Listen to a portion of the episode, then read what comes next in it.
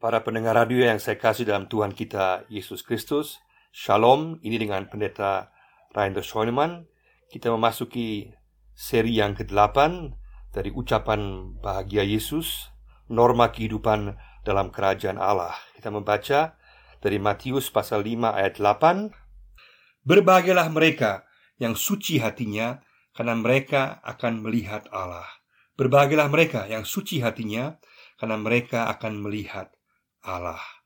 Norma tindakan yang keenam adalah senantiasa menyucikan hati di hadapan Tuhan. Senantiasa menyucikan hati di hadapan Tuhan.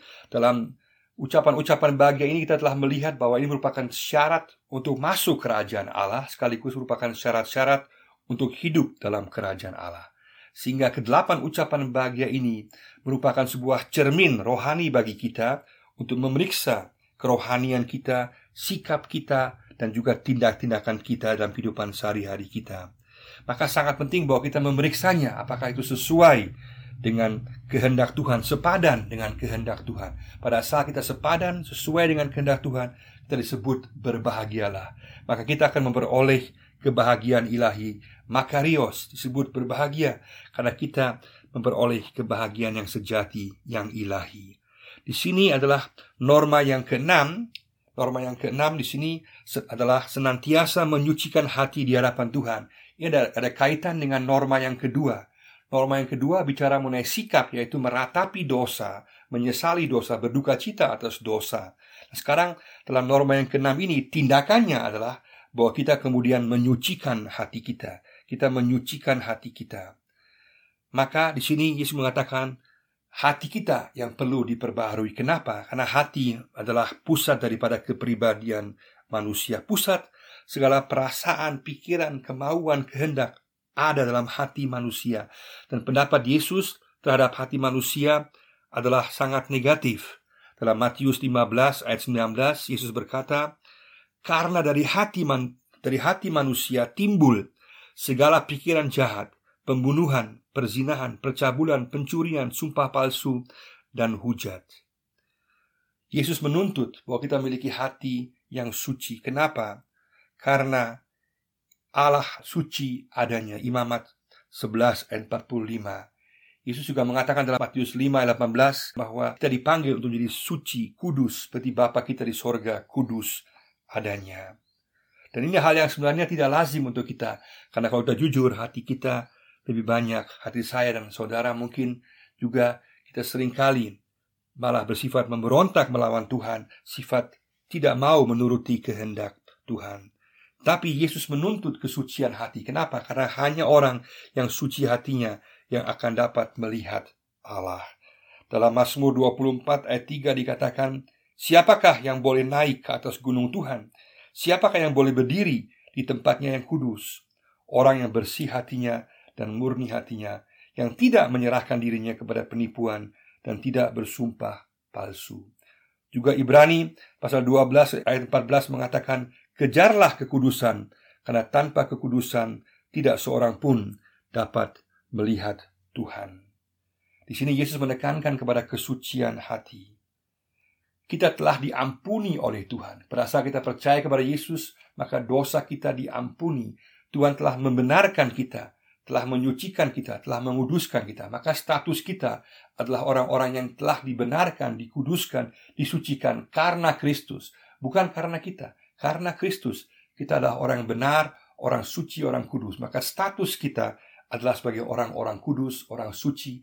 Namun sekarang kita dipanggil untuk hidup sesuai sepadan dengan status kita sebagai orang-orang suci, orang-orang kudus. Paulus misalnya menulis kepada jemaat di Korintus, dengan salam kepada orang-orang kudus. Meskipun perilaku daripada orang-orang Korintus waktu itu jemaat di Korintus sering kali bertentangan dengan kehendak Tuhan, sering kali lebih bersifat kudis daripada kudus. Tapi status mereka tetap orang-orang kudus. Hanya sekarang mereka dipanggil untuk hidup sesuai dengan status mereka dalam proses pengudusan, proses penyucian yang akan berlangsung seumur hidup. Suci hati kita Kekudusan bukanlah berkaitan dengan sikap penampilan luar semata. Penampilan luar bisa bisa saja rohani, bisa saja bersandiwara, tapi hati kita yang Tuhan lihat. Tuhan melihat motivasi kita yang terdalam. Jelas, kalau hati kita murni suci, pasti tindakan kita juga akan menghasilkan tindakan kebaikan. Tapi yang Tuhan lihat bukan sekedar penampilan luar, tapi hati kita yang terdalam. Maka kita perlu untuk mengevaluasi, sungguh-sungguh memeriksa hati kita yang terdalam, agar motivasi kita, hati kita sungguh-sungguh disucikan oleh Tuhan. Yesus mau supaya kita sungguh-sungguh mengikuti kehendaknya, agar kita pada akhirnya dapat melihat Allah. Seringkali kalau kita lihat, kita lebih cenderung untuk mau menyalahkan orang lain, melihat orang lain, menilai orang lain. Tapi sering kali kita, kalau kita lihat diri kita sendiri, kita akan kaget dengan kebobrokan diri saya sendiri dan juga keberdosan saya sendiri, saudara sendiri. Kita akan sadar bahwa sebenarnya kalau kita menunjuk satu jari kepada orang lain, tiga jari menunjuk kepada diri kita sendiri.